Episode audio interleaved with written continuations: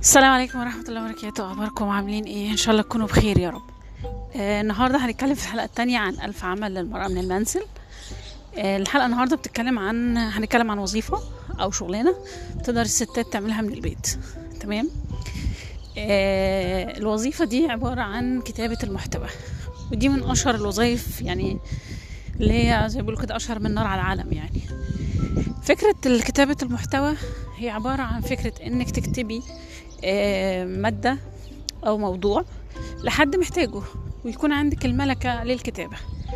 طيب في بس نقطة عايزة أوضحها عشان في ناس هتتكلم فيها فكرة الموهبة وفكرة ال ال الشخص اللي بيت- بيتعلم حاجة يعني. آه، الفرق من الموهبة والحاجة المتعلمة أو المهارة يعني الموهبة إذا لم تنمى بالمهارة يعني الشخص يبقى بيتمرن عليها الموهبة هتموت. هي المهارة مكملة للموهبة في المرحلة التانية. يعني أعتبر إن إحنا بنحكي عن الموهبة في المستوى الادفانسد منه أو المستوى المتقدم على إن هو المهارة. بمعنى إيه؟ دلوقتي أنا عندي ملكة الرسم أو عن- عندي ملكة التعبير بالكلمات. تمام؟ ملكة التعبير بالكلمات دي موهبة.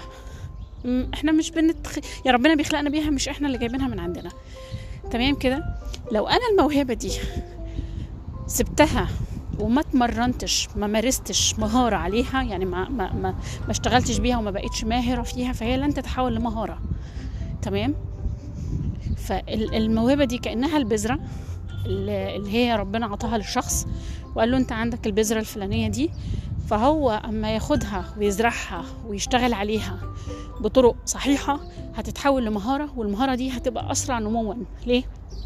لأن كان فيه موهبة في القصة. تمام؟ يعني أنا لو بعرف أرسم وعلى طول آه، اتمرنت ورحت هقدر أعمل معارض وأعمل شغل رسومات هايل جدا جدا في زمن قياسي. ليه؟ لأن أنا موهوبة. فهفترض إن هي هتاخد مني عشان أنا موهوبة مثلا سنتين ثلاثة طب الشخص اللي ما يعرفش بقى أي حاجة وما عندوش موهبة هل يمكن أن يتعلم ذلك الشيء؟ آه ممكن بس هتاخد منه مثلا خمس ست سنين عشان يبقى شبهي أنا لما أنا قدرت أوصل للحاجة دي في ثلاث سنين. فالموهبة بس بتساعد على اختصار الزمن واختصار المجهود الزمن والمجهود المبذول. لكن لو الزمن والمجهود متوافرين والشخص بذلهم هيقدر يحقق نتائج هايلة جدا. تمام؟ يعني ممكن شخص ما عندوش موهبة لعمل الشيء ولما يمارسه يبقى خبير استراتيجي زي ما نقول كده معلم في الحاجة دي. تمام كده؟ فدلوقتي سواء كان عندك الموهبة أو لم تتوفر الموهبة للكتابة يمكن تعلمك الأمر ده. هو هياخد منك مجهود بزيادة. عندك استعداد بقى تبذلي المجهود ده؟ وعندك استعداد توجدي الوقت اللي بذل يعني. يعني للحصول على ال- المهارة ديت والاستفادة بيها هي دي النقطة المهمة جدا في القصة. تمام؟ طيب نتكلم في ال- اللي هي المهارات البيزكس إيه المطلوبة؟ اللي هي مطلوبة بالنسبة لنا. يعني مثلا دلوقتي انت كواحدة عايزة تشتغل في مجال الكتابة لازم تعرفي تقرأي وتكتبي. صح كده؟ يعني مثلا لو انت هتشتغلي في مجال الكتابة بالعربي يبقى انت لازم تعرفي تقرأي وتكتبي بالعربي. تمام؟ طيب أنا بعرف أكتب وأقرأ بالعربي هايل جدا جدا. بس أنا عندي مشكلة في النحو مثلا مشكلة في الإملاء كلام زي كده. تقدري تتعلمي القصة دي من عن طريق الدورات. في آه، رواق وإدراك وغيرهم على اليوتيوب هتلاقي في آه، كورسات. الكورسات دي بتساعدك بسهولة جدا جدا إنك أنت تلزمي نفسك إنك تقعدي تحضريها وبناء عليه تتعلمي. فأنت كده ال- المهارة البيزك الأساسية اللي لازم تكون متوفرة عندك إنك بتعرفي تكتبي وتقرأي وممكن تعملي تطوير في آه، يعني تقدم وإحراز إنك أنت تعملي تميز إنك أنت لازم تظبطي المهارة الجزئية دي عن طريق الكورسات. طيب تمام. أدي واحدة. اتنين بتعرفي تعملي search ال search ده معناه إنك بتقدري تستخدمي مثلا Google و Yahoo وكل مواقع محركات البحث اللي هي زي Google و Yahoo بطريقة لطيفة. في ناس ما بتعرفش. يعني أنا دلوقتي لو جيت قلت لك والله ده أنا كان نفسي أعرف إزاي الطبخة الفلانية بتتعمل. في ستات بسهولة جدا. بتكتب اسم الطبخة أو تكتب حاجة من مكوناتها أو كذا وتقدر توصل للطبخة دي بتتعمل إزاي. في ستات عمر ما يجي في دماغها ابدا. حرفيا إن هي تعمل كده. فانت محتاجة مهارة البحث. تمام كده؟ محتاجة إن انت تكوني آه، قادرة تفهمي إن الموضوع هياخد منك وقت. فالبيزكس ببساطة جدا جدا هي فكرة إنك بتعرفي آه، تكتبي وتقرأي. دي المهارات الأساسية خالص للبداية. عندك القدرة على التعبير ودي ممكن تكتسب عن طريق التمرين طبعا. وإنك تقرأي كتير لناس وتشوفي هم استخدموا إيه. وعندك القدرة على البحث. هتعملي إيه؟ ممكن تروحي تعملي آه تبدأي تعملي المستوى الأولاني للشغل عشان تبدأي فعلا هو مستوى التطوع أو مستوى المتدرب. ومستوى المتدرب ده بيجي عن طريق التطوع أو بيجي إن انت تروحي لحد تقولي خدني أتدرب معاك. تمام؟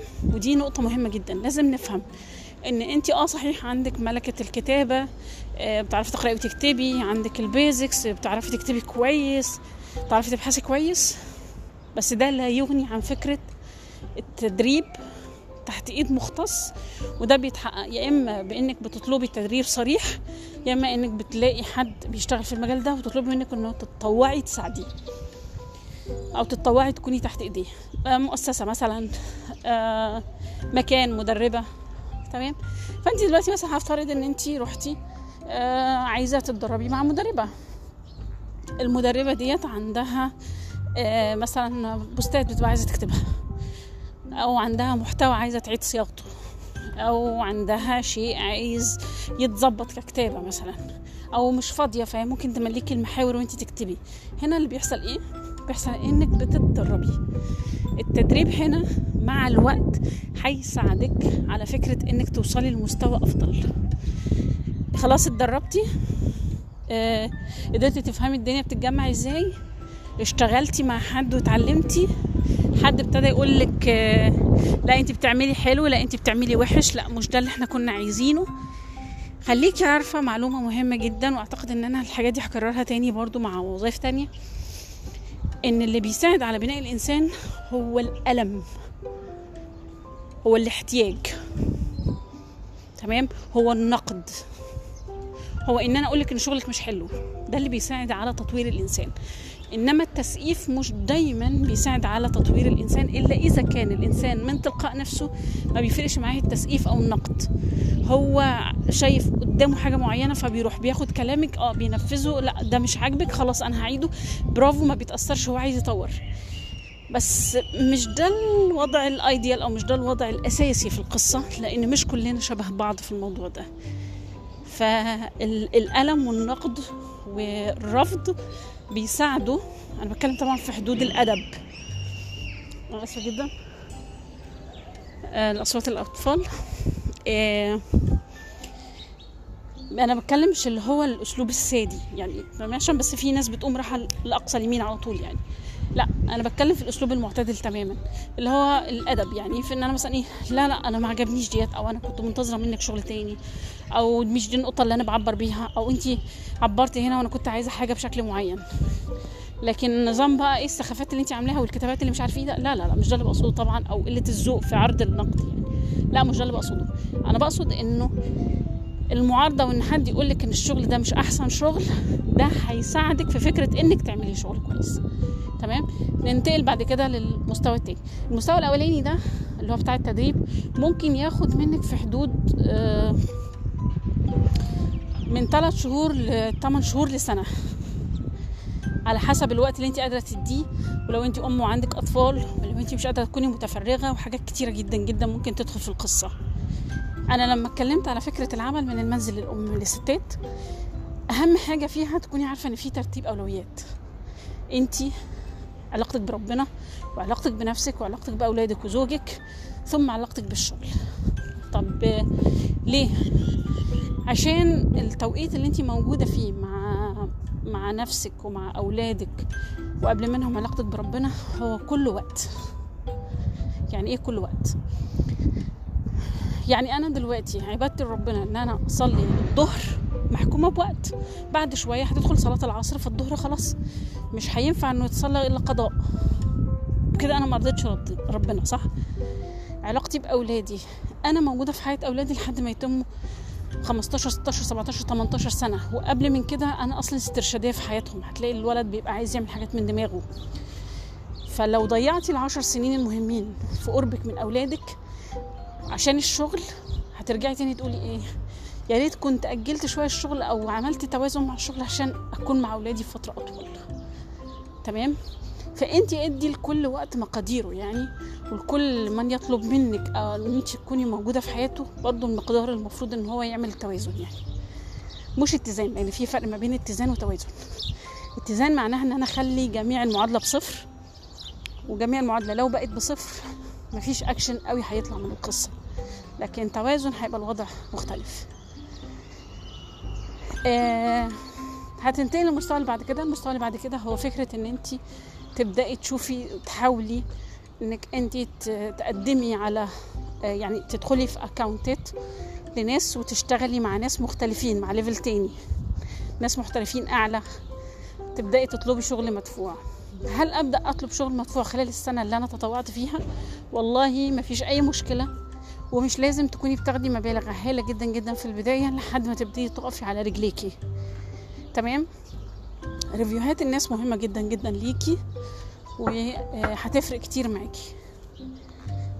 هل كده أنا وصلت لنهاية القصة؟ لا أنا ما وصلتش لنهاية القصة. اللي أنا بحكي هو مجرد إزاي تبداي الهدف من كل الأوديوهات دي هو إزاي تبداي بس إزاي تبداي بس مش أكتر من كده.